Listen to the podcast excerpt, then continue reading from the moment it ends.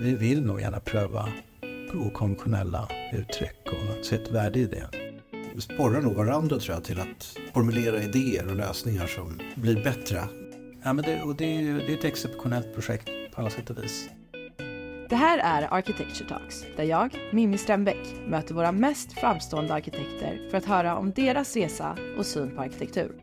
Bolle Tam och Martin Videgård driver kontoret Tam Videgård Arkitekter och idag har jag fått möjligheten att prata med dem båda. I avsnittet berättar Bolle och Martin hur de samarbetar för att ge ett distinkt och koncist svar till de arkitektoniska frågor som ställs, även om resultatet ibland kan ta en okonventionell riktning.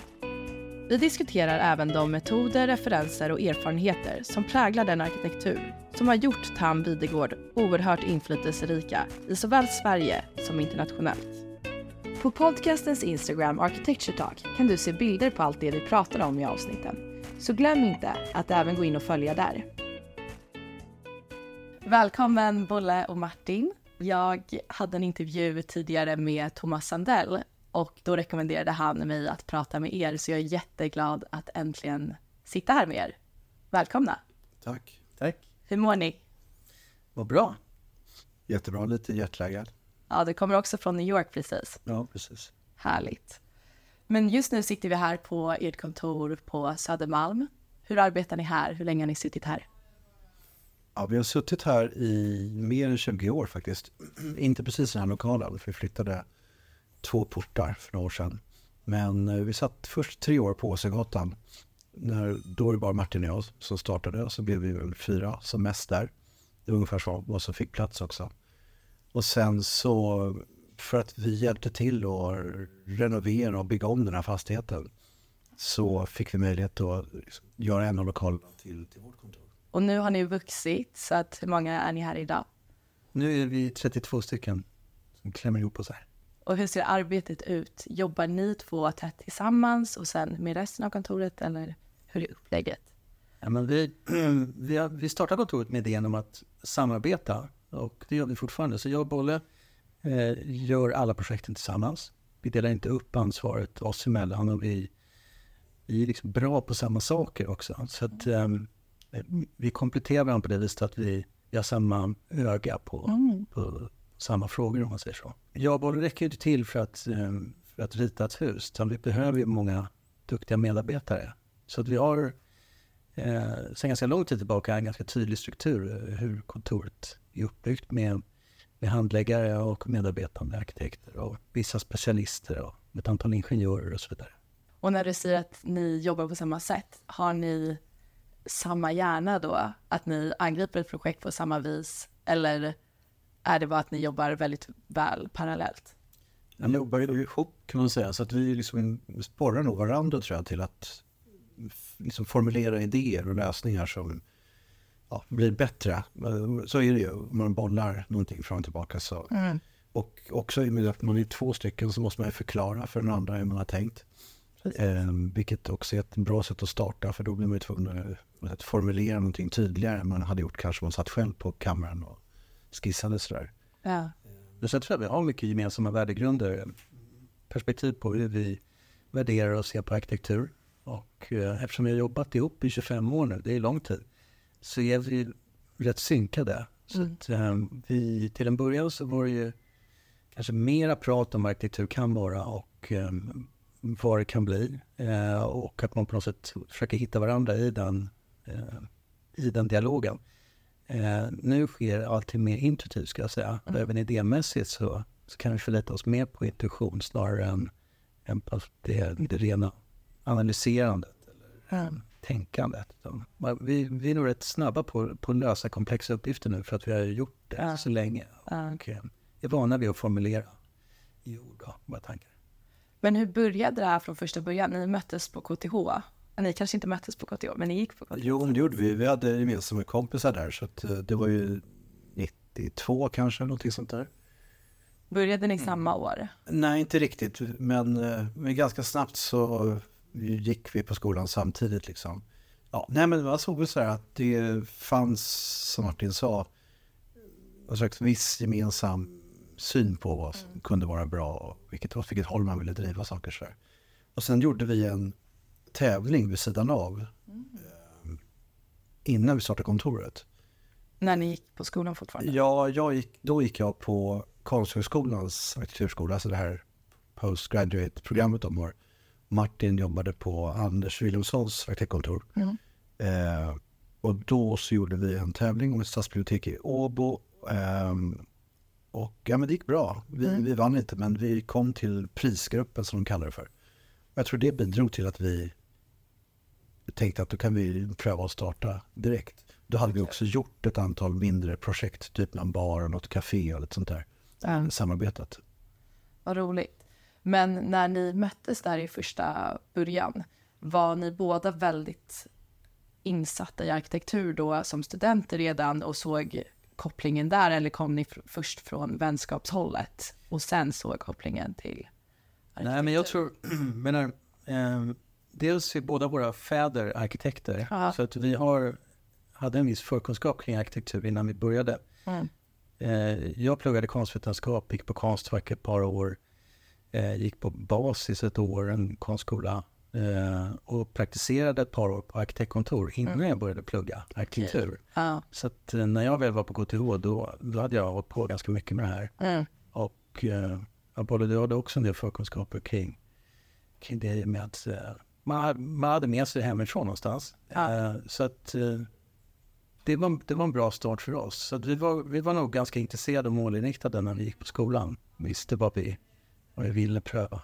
Det som var ett kännetecken tycker jag för de där första åren på arkitektur var också att när vi började så det var ju väldigt dåliga tider i Sverige, vilket gjorde att det blev en ganska teoretisk skolgång därför att det fanns inte, det var inte så många av våra vänner som hade ett jobb där de fick rita och bygga hus. Mm. Och ännu färre förstås som startade egna kontor och fick någonting byggt. Tvärtom så var det jättemånga som var arbetslösa och det bidrog också till att det kom många skickliga arkitekter och undervisade eller föreläste på skolan. Så det blev en rätt intressant tid på skolan.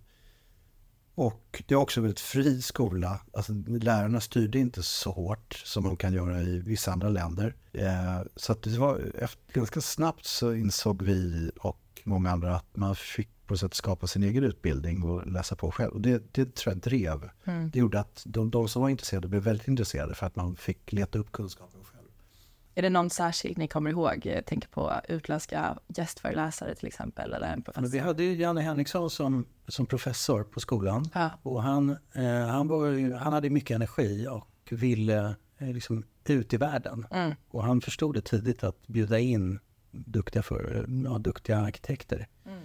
Så Herzl Morone och Kolas och Chipperfield och alla de här var ju där. Och då var ju de, eh, de, hade, de var ju up and coming på något sätt då. Eh, så att vi, det var väldigt bra föreläsningsserier och, och de kunde vara gästkritiker också på vissa projekt och sådär. Så det var ju Oj, vad roligt. fantastiskt. Ja, det är ju verkligen fantastiskt. Men ni har ju också gett er ut lite utomlands. Var har ni befunnit er? Ja, på, på olika sätt. Vi har ju, dels har vi projekt utomlands. Mm.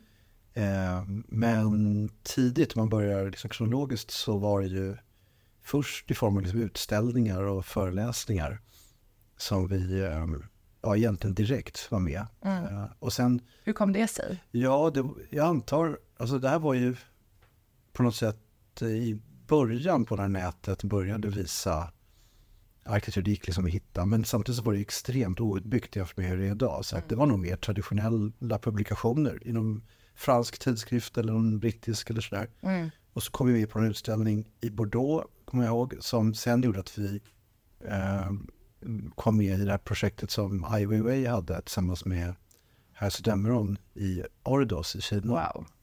Där de bjöd in 100 kontor Ja. från olika delar av världen som skulle göra varsitt hus. Eh, och Och det här var tidigt. det här var, nej, det var tio år senare kanske, 08. Och, eh, men den, det är som ett exempel på någon slags eh, kontaktyta som, som blev bredare och bredare och där många av de kontoren har vi fortfarande kontakt med. Mm. Det är ungefär samma generation för de, det var deras idé att de skulle inte ta alla som var ja, lika gamla som de själva och, utan sådana som de hade haft kontakt med på olika sätt eller som representerar lite olika riktningar också. Mm. Men det, det har betytt mycket. Och sen har vi undervisat, för en lång historia kort, en del utomlands också. Vi var gästprofessorer i eh, Düsseldorf. Har ni det tillsammans också? Ja. Så roligt, ni har verkligen hängt ihop. Mm. Ni blir aldrig trötta på varandra. Ja, men vi har hittat ett format som funkar. Nej, men man delar ju mycket, så är det ju. Eh, Man blir lite som syskon på något sätt. Ja, jag Eh, förstår det. Men det funkar. Men Ja, det verkar ju verkligen vara ett vinnande koncept. Det är rätt kul kan jag ändå säga. Det, och det bygger på det. Vi var ju sådär för vänner innan vi började samarbeta. Och, eh, och det har varit otroligt stor fördel tycker jag att, att man när man reser till exempel för att titta på ett projekt eller för att undervisa eller sådär. Så är man inte själv och upplever de här sakerna. Utan man har någon man kan bolla intrycken med och plus att vi förstås kan jobba under de här resorna. Så man utvecklar idéer kontinuerligt. Sådär. Ja, det är ju två flugor i en smäll. Ja, så det har, det har varit en stor fördel verkligen. Men ert första projekt där när ni startade byrån, vad var det? ja, det var ju väldigt små projekt. Vi, vi fick tidigt ett villaprojekt i Västerås. Eh, Villa Karlsson, en röd lada kan man säga. Eh, det var vår första villan, men sen gjorde vi massa ombyggnader av lägenheter. Kompisars kompisar som skulle bygga om ett kök eller något sånt där. Mm. Eh, Det var väl inte så, så inga projekt som på något sätt gjorde jättestor skillnad, men vår grundidé var ju att pröva idéer i verkligheten, Ja, som jag sagt. Att man vill få saker och ting byggda och förstå hela den resan från idé till mm, färdigt resultat. Och hur det på något sätt fungerar i relation till en beställare och, och idag sen använder det man har gjort. mm. Och den lärdomen är ju bra att göra först i en liten skala för att sen växla upp och öka komplexitetsgraden. verkligen. Så det där höll vi på med i kanske fem år. Och sen hade vi turen att vinna Kalmar konstmuseum, den här öppna tävlingen med knappt 400 förslag. Så det var ju verkligen... Otroligt. Det var häststart. 2004 eller så. 2004, precis. Det stod klart 2008, fyra år senare. Mm. Och det var också väldigt kul att det blev byggt. Det är inte givet att alla tävlingsvinster blir byggda och förverkligade. Men för oss blev det så. Och det var viktigt för oss. Ja, Och det, nu så här i, i backspegeln så var ju det en, en vändpunkt lite grann. ja, öppnade upp eh, möjligheten till att bli inbjuden till tävlingar i alla möjliga format. Eh, arkitekturskolan var väl ett resultat av det. mhm. verkligen. Om man jämför de här tidiga projekten mot det ni gör nu så är det ju väldigt annorlunda eh, i skala, fast ni jobbar ju fortfarande i den skalan också till viss del. Men s- vad har ni för likheter och skillnader på sättet ni arbetar och i er design från den tiden? Det mesta är nog ganska likt. Martin nämnde att vi kanske rör oss liksom framåt mer intuitivt i idéarbetet. Eh, Men det bygger ju bara på att man har gjort så många projekt som man vet snabbare ungefär vad som kommer att fungera. Mm. Men det de har gemensamt de där tidiga projekten det är att de var ju svar på frågor som var liksom tydliga eller där man hade ramar som man liksom kunde arbeta med. Mm. Så, Konceptuellt och liksom praktiskt sett på samma gång. Och den här ladan, den röda ladan, det var ju att vi landade där var ju bland annat för att vi fick en fråga om vi kunde bygga till en väldigt, väldigt låg budget. Och eftersom vi inte hade någon egen erfarenhet av att bygga eh, någonting överhuvudtaget nästan så tänkte vi mer logiskt att en lada, den har man ju alltid byggt för att den är ett enkelt sätt att bygga någonting som är så stort som möjligt med så lite pengar som möjligt. För att de ska få in så mycket som möjligt i ladorna. Ehm, och på samma sätt så när vi gjorde Kalmar konstmuseum så fanns det också en otrolig, ska säga, pragmatisk grundinställning som, men som med det sättet vi staplade programmet på så det också blev någonting, ja, i det fallet ganska oväntat. Av de där, ja vad det nu var, 300 förslagen så var det kanske tre som byggde på höjden. Ja. Alla andra byggde i ett eller två plan. Ja, men det där med att å ena sidan titta väldigt noga på vad som eh, behövs och å andra sidan försöka se vinkel på det som behövs som kanske lägger till någonting som man inte visste att man behövde eller löser ytterligare liksom en aspekt på den plats där man arbetar. Precis.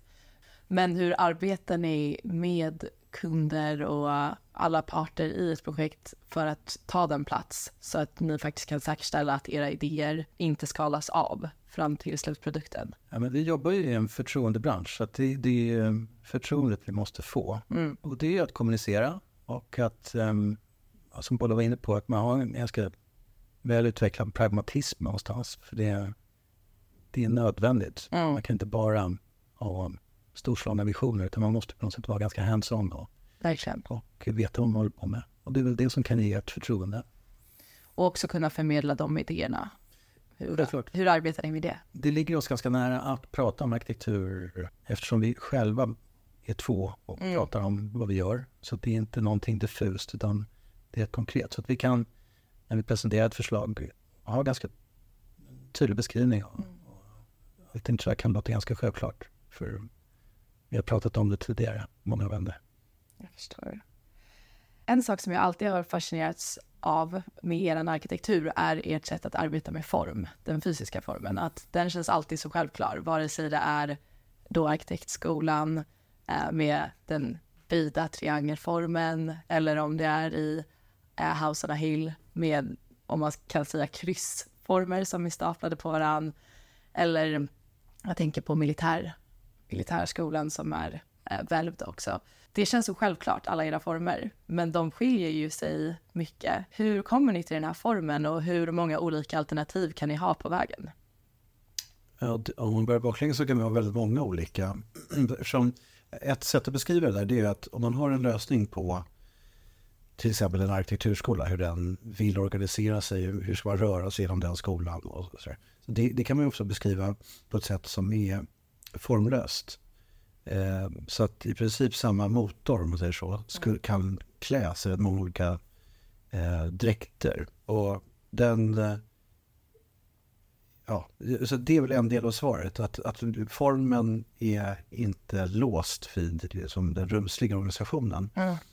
Eh, men sen söker vi alltid någon slags tydlighet som förhåller sig så nära som möjligt till liksom både uppgiften och platsen och, och så här, alla de olika sammanhang eller kontexter som, eh, som finns där. Jättekort om exempel du nämnde nu så Karlberg och Militärhögskolans nya matsalsbyggnad står ju väldigt nära Karlbergs slott helt enkelt. Som, om man skulle beskriva det för någon som inte är arkitekt så är det en väldigt lågt utsträckt horisontell byggnad med en väldigt tydlig ordning som är Mm. repeterande, symmetrisk och så vidare.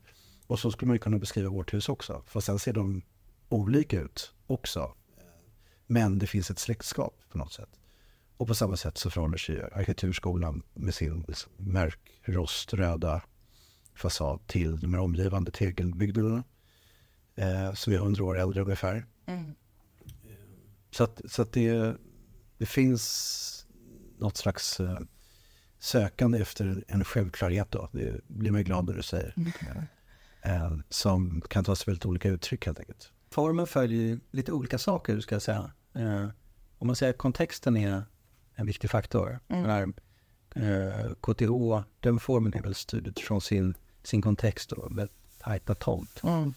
Eh, men också sitt program och, och hela den processen, hur den på något sätt var, var ganska förändlig under en ganska lång resa. Det ritades om väldigt många gånger. Eh, Medan eh, Karlberg kanske mer har en idealform. Det, är- det, är- ett friare, öppnare landskap det ligger i. Och likaså House on a Hill som du nämnde, som är lite som en fyr som blickar ut. Ja. Stockholms skärgård på en bergklippa.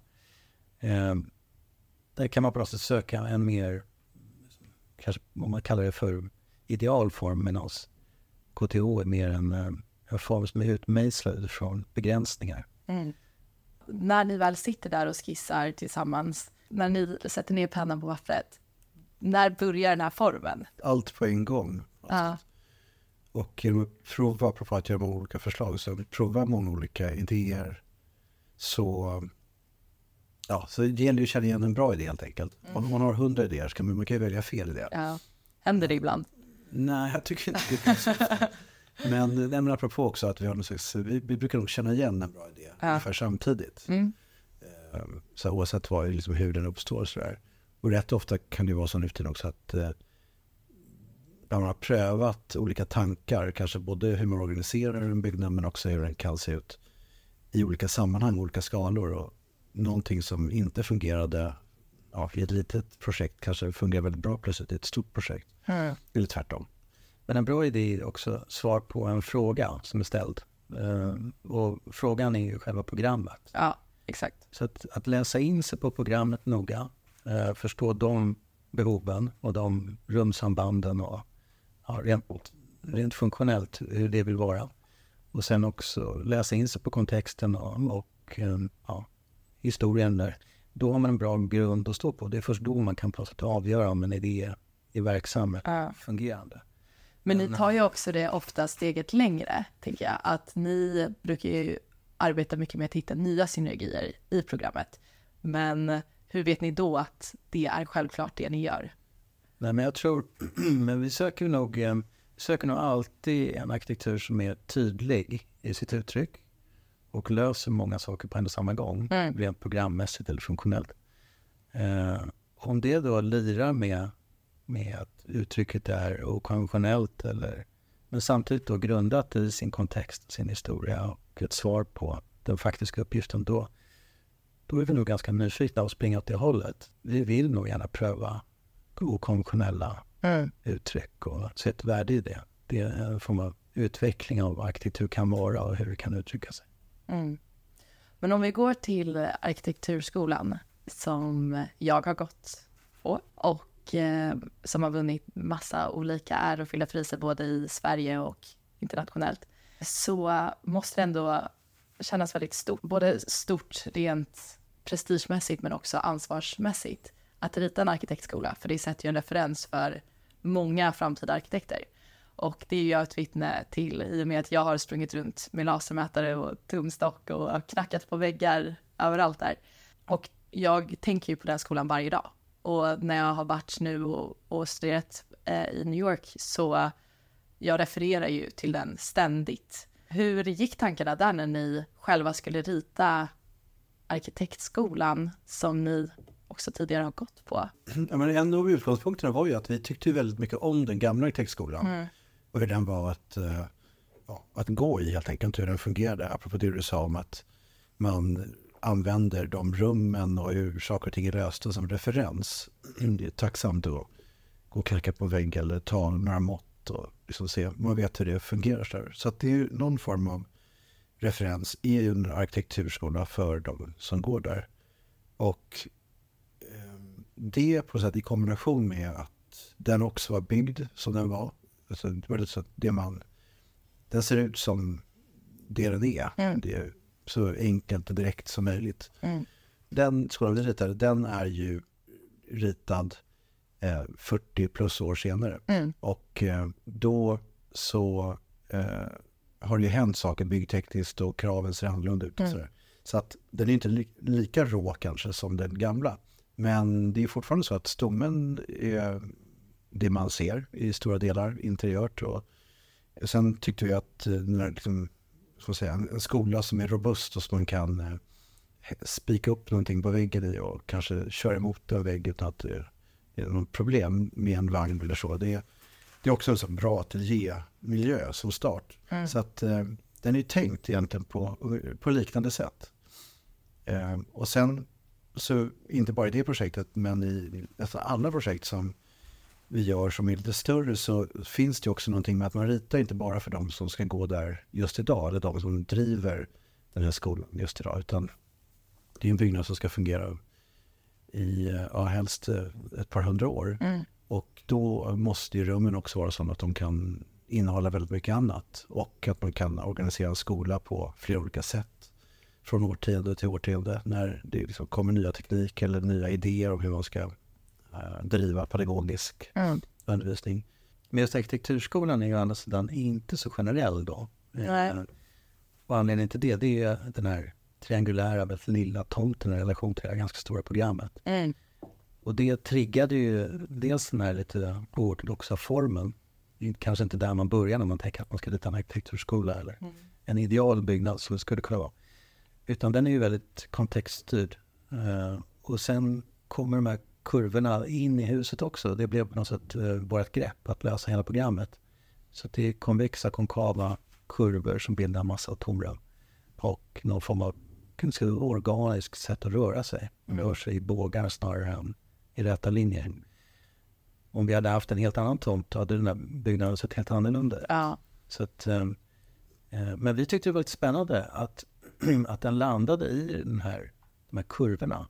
Eh, det, är, det är ganska oortodoxa eller nästan barocka sättet att bygga upp eh, rumsamband på. Är, är en utmaning för, för en arkitektstudent kan jag tänka att, att förhålla sig till. Mm. Men fördelen med en, med en skola som den som, som kanske kan upplevas i första dagen lite grann som svår att orientera sig i.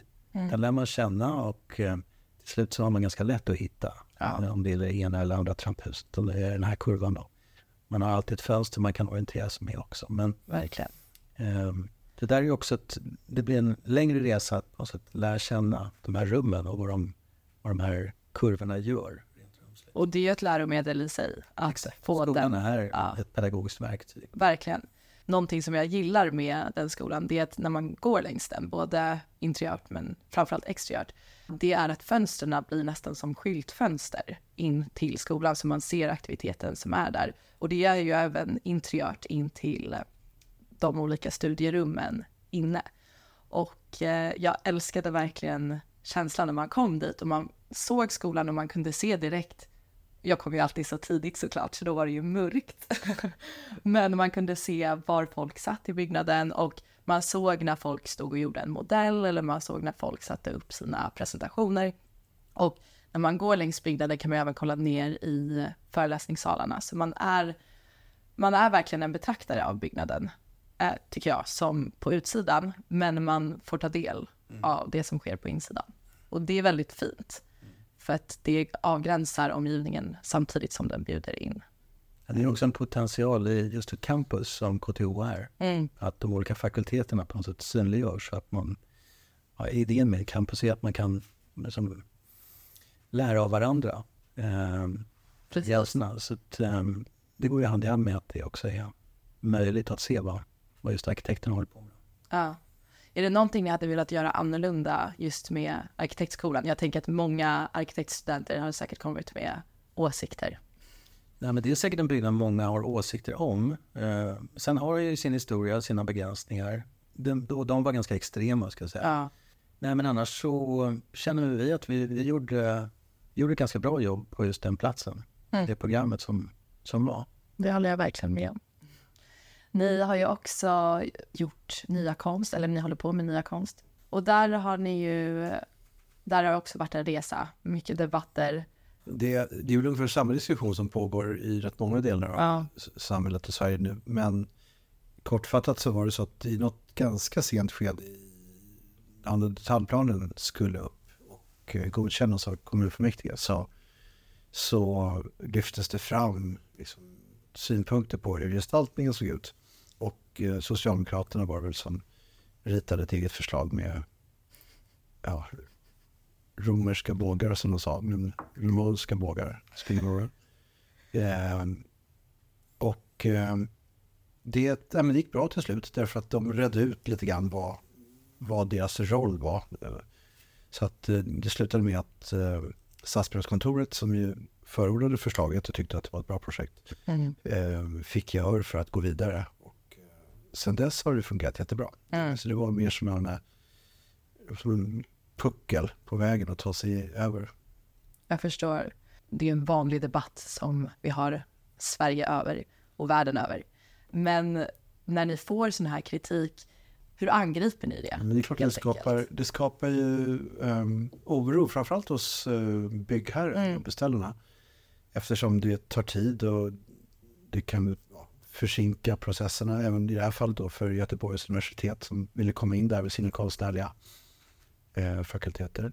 Det är en debatt som vi kanske borde ha ännu mer om vad man ska bestämma och i vilka skeden och vem det är som ska bestämma hur vi ritar våra hus. Mm. Man kan tycka att eh, det borde vara arkitekterna som ritar husen och att politiker och andra ja, intressenter hjälper till att sätta ramarna. Men de ska inte som vara estetiska utan det måste ju handla om hur mycket man bygger och var man bygger och på Mm. vilket sätt.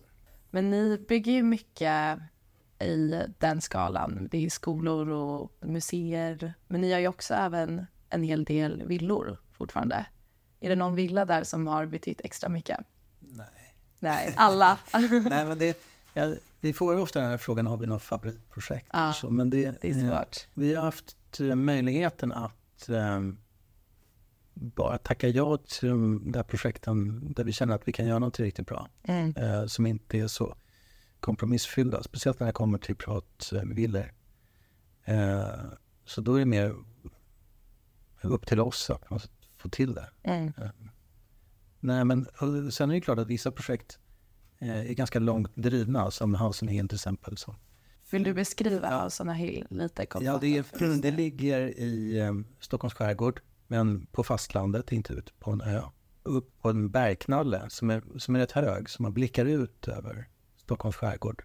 Så det är en, som en fantastisk position. Och en rätt stor tomt, så man är, man är rätt ensam just där. Och eh, det liknar lite grann den där platsen av byggnaden som en fyr, som har som 360 graders utsikt. Och den skruvar sig upp genom berget kan man säga. Och eh, det är de här plussen som ligger förskjutna eh, i tre nivåer. Läget är, läget är fantastiskt och genomförandet är också en bedrift. Verkligen duktiga hantverkare. Ja. ja, det är sällan man ser, jag har ju inte sett det i verkligheten, men vad jag har sett på bild ser ju betongen helt fantastisk ut. Mm, Och det är sällan man ser det i. Sverige på det sättet. Men jag tycker att den eh, byggnaden är verkligen fantastisk för att när man kommer upp på, eh, på högsta planet med sovrummen Mm. så är ju sovrummen är ju ganska lika allihopa, även fast de skiljer sig i storlek. Men det som blir så intressant just på hur byggnaden är utformad är att de kommer ju vara extremt olika i och med ljusinsläpp och vad som porträtteras. Mm. Och det är ju som en stor tavla. Där är än en gång är ett sånt projekt där jag blir så här, okej, vad definierar den här formen? Vi hade, Tankarna dit. den, just den där var ju en sån projekt där vi hade gjort en tävling för ett museum. Det var Guggarna museet i Helsingfors. Som, eh, där vi prövade ett vridet plus som liksom skapade in och uterum. En sån serie gårdar och plus att man får precis som i House on the Hill så får man ju även skyddade uteplatser som liksom under tak. Får liksom flera olika sorters uterum. Ehm, så att, eh, ja det är väl ett exempel då på att det var det det som inte riktigt, eller det funkade väl, men som funkade ännu bättre när vi hittade den här skalan och prövade den. Mm. Sen, jag vet inte, apropå referenser så, det som händer också med en sån där supersymmetrisk plan är ju att man fokuserar liksom på utsidan, på landskapet. Det är det som hjälper att orientera. Mm. Så det var kanske det du tänkte på med att det är som tavlor, de här Mm. sikterna liksom. Och eh, man, man vaknar upp i ett rum så vet man var man är för att man, man ser antingen havet eller så ser man skogen eller, eller berget eller vad det är. Så. Ehm, och så, så funkar även, jag tittar på alltså, Villa Rotondo och Palladio är också ett sånt hus som har liksom en spegelsymmetri i sig. Man kan tänka sig om man är på fest där så efter ett tag så är rummen ganska lika. men, men utsikten är Väldigt olika, ja verkligen. När det kommer till eh, villor så jobbar ni väldigt specifikt och ni har ju verkligen lyxen att jobba med helt fantastiska tomter. Och jag tänker på House on a Creek som också är en sagolik tomt. Tar ni bara sådana projekt eller är det bara sådana projekt som kommer till er?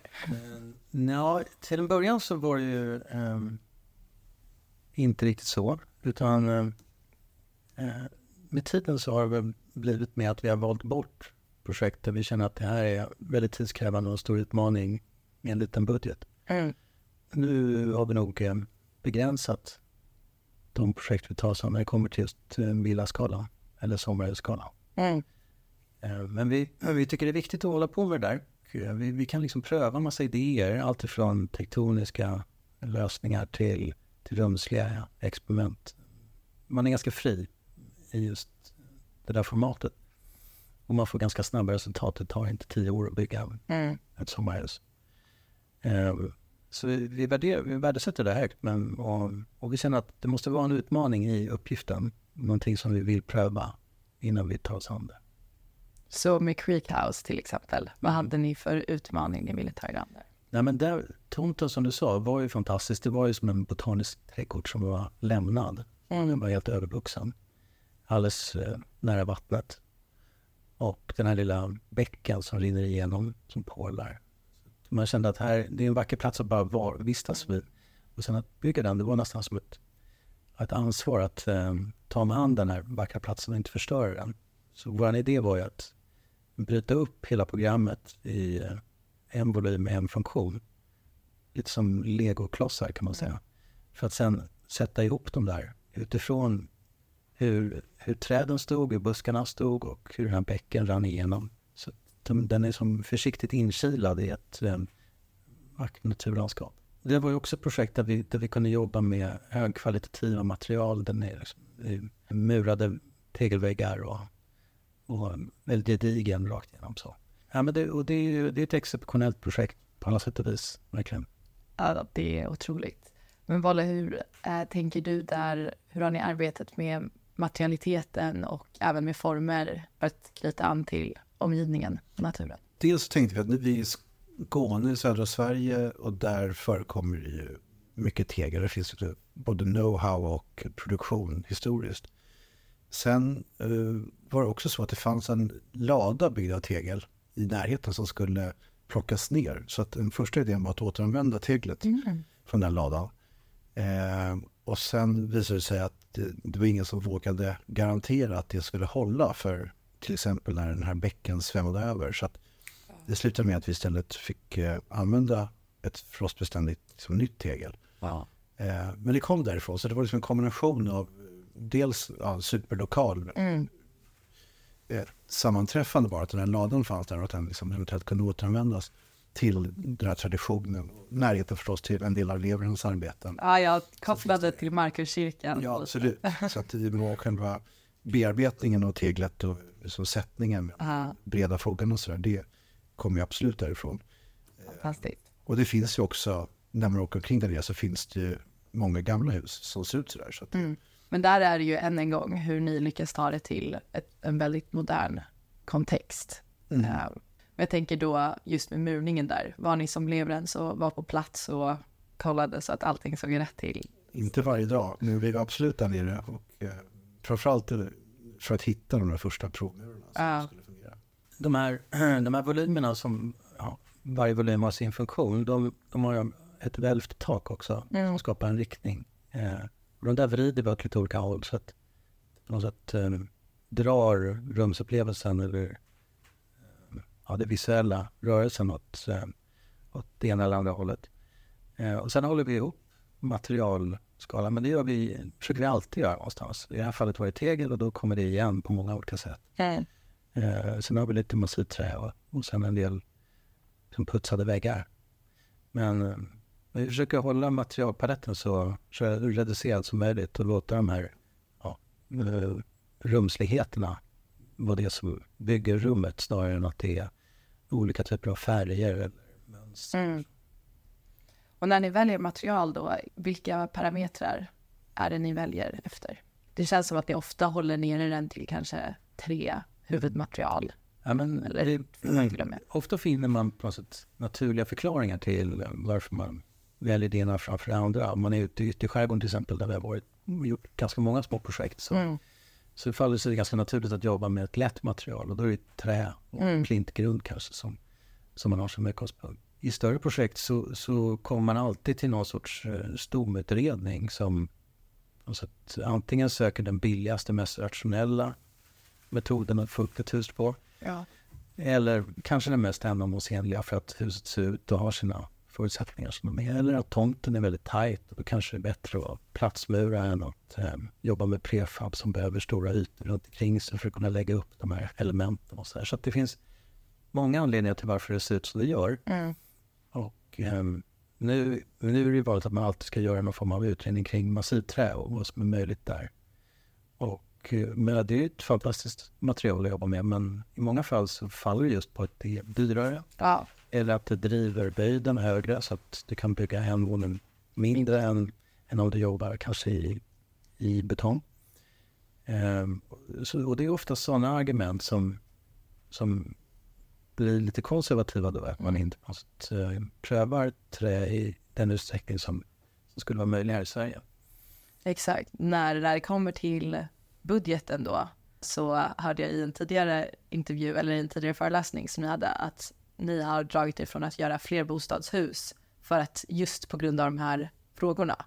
Att med att det är en budget som kan vara mindre så att det är svårt att kanske få igenom den designen man vill. Är det någonting ni fortfarande... Ja, precis. Jag tänker att, jag vet inte hur vi formulerade det då, men man kan bara konstatera att mycket av bostadsbyggandet drivs av ett fokus på att tjäna pengar helt enkelt. Mm. Och då kan vi säga att oavsett hur mycket pengar det finns så vill man alltid minimera byggkostnaden. Mm. Vilket gör att man, ja, man vill bygga så billigt som möjligt och sälja så dyrt som möjligt. Och det är ju inte någon särskilt bra start för att ja, åstadkomma bra arkitektur. Och kanske inte särskilt hållbar arkitektur heller. Nej. Så att eh, därför så har vi, vi har liksom inte fokuserat på det, men vi gör ju bostadsprojekt. Ja. Och eh, de kostar inte mer än andra. Sådär. Eh, det, det där är ju ja, det är en stor diskussion eftersom byggkostnaderna i Sverige råkar också vara bland de högsta i världen. Mm. Ja, definitivt i Europa. Lite grovt så har vi, såg vi för något år sedan att det var ungefär ja, nära, nära dubbelt så dyrt som snittet i Europa Mm. eller i EU. Och eh, det är klart att då man jämför sig så får man ganska lite för pengarna eh, i Sverige jämfört med om man bygger till exempel i Belgien eller i Verkligen. Spanien. Och vi har också tackat nej till ett antal projekt där vi har sett att eh, de som har velat bygga helt enkelt har fokuserat på fel saker. Det säkerställer ju att allt ni gör har en viss kvalitet. Det, det är det som skapar er fantastiska portfolio. Men blir det inte lockande då att ni jobbar ju redan utomlands, bland annat i Paris. Jag tänker, blir det lockande att jobba ännu mer utomlands? Absolut. Det är, ju, det är ju intressant. Rollen man har, det märker vi. Vi är, nu har det varit Tjeckien och Frankrike, Spanien. Eh, men vi har också haft frågor från andra länder. Och man får ju en helt annan plats vid bordet. Och man förväntar sig också från andra sidan att, att vi ska lösa uppgiften mycket mer. Liksom, leverera en lösning helt enkelt. Och det är inte som det är mycket i Sverige. Att man har väldigt långa processer där det är väldigt många som ska liksom tycka till och Mm. vara med och forma det som ska byggas. Mm, Så att det, det är på ett sätt enklare egentligen, upplever vi i alla fall, att eh, vara arkitekt i, i någon annan del av Europa. Ja. Om ni skulle starta kontor någonstans, vad hade ni velat starta upp då? Det är ett stort land där det byggs mycket. Nej, Ja. Det är så, men om man tittar på Tyskland eller Frankrike till exempel så eh, bara genom att de är så många som delar på kostnaderna där så är det klart att om man ritar eller bygger en teater eller en simhall eller vad det kan vara så, så är det många fler som delar på kostnaderna också. Mm. Så att man kan ju också åstadkomma saker som är eh, på en väldigt hög nivå och det är fortfarande rimligt relativt till många det är som ja, hjälp, hjälps åt och, eller också kan komma att använda dem. Men om vi kollar tillbaka lite på det som har varit. Har ni någon byggnad i Stockholm som ni går tillbaka till när ni behöver inspiration eller som ni bara älskar att vistas i? Mm, I Stockholm så ganska nyligen så, vi har hållit på med ett projekt på Sveaplan Mm. nära Wenner Center. Som blir liksom den sista hörnstenen kan man säga längs Sveavägen. Man kommer att göra en T-korsning av Sveavägen. Och då råkar det vara så att det kvarteret som vi bygger precis bredvid eh, ser ut som att det är inspirerat av eh, Sirius Johanssons hus som ligger vid Sveavägen, Kungsgatan. Centrumhuset, ser du? Mm. Som är ja, men, ett väldigt fint exempel på tegelarkitektur och lite eget sådär med väldigt speciella omfattningar kring fönstren och taklister och sådär. Och en trappad takarkitektur som också skiljer sig lite grann ifrån vanliga Stockholmstaken som är svartplåt liksom och lutar. Mm. Men eh, alltså det, just där så har vi använt det projektet som en, dels som en liksom röd tråd för hur vi tror att den arkitekten som ritade grannhuset på 50-talet tänkte. Ja. Men också för att utveckla en egen tegel, liksom arkitektur. Och det, de har ju vissa likheter i det att de också ligger fritt sådär. Så det har ju varit en, en väldigt direkt referens. Vad kul. Eh, I Stockholm annars, det finns många fina hus. Det finns massa bra exempel, men jag tycker det blir mest verksamt när vi på något sätt kan jobba med en referens, Ja. precis som Bolle beskriver, som i sin tur är en referens till Fritz Högers Chili House i Hamburg. Ja. Det finns på något sätt um, att, göra, att, um, att ha referenser som ett verktyg att jobba med eller att kanske förankra uh, det man själv gör är um, ett bra sätt. Gör ni det mycket, att ni jobbar med referens? Jag har ju hela tiden uh, liksom en, en kontextuell idé någonstans i alla våra projekt. Mm. Det kan vara alltid från att man på något sätt hämtar inspiration runt Mm. den lokala kontexten eller, eller ser möjligheterna och begränsningar där. Men det är ju ett sätt att informera en byggnad på, att få den att känna sig som att den är förankrad eller kopplad till någon byggnadstradition som Mm. tar vidare. Och det är också ett sätt att lägga till ett lager på... Man kan ju se en byggnad och förstå den på ganska många olika sätt. Och det är inte så viktigt. Alltså man ser vårt projekt så tror jag inte man tänker det första man gör på de här referenserna som finns ganska nära egentligen då, Mm. i Stockholm. Men om man tänker några, några varv liksom efter ett tag så kanske man ser den kopplingen. Sådär. Men det är inte viktigt. Och det, hade, hade det varit för direkt så hade man kanske tyckt att det var en liksom pastisch. Mm. Att det liksom blev någonting som um, lånar liksom för mycket av sin, sin arkitektoniska identitet Ja. av någonting som, som det följer. Så att det är inte det man är ute efter. Men däremot så finns det någonting intressant med att man kan ja, s- se kopplingar. Verkligen.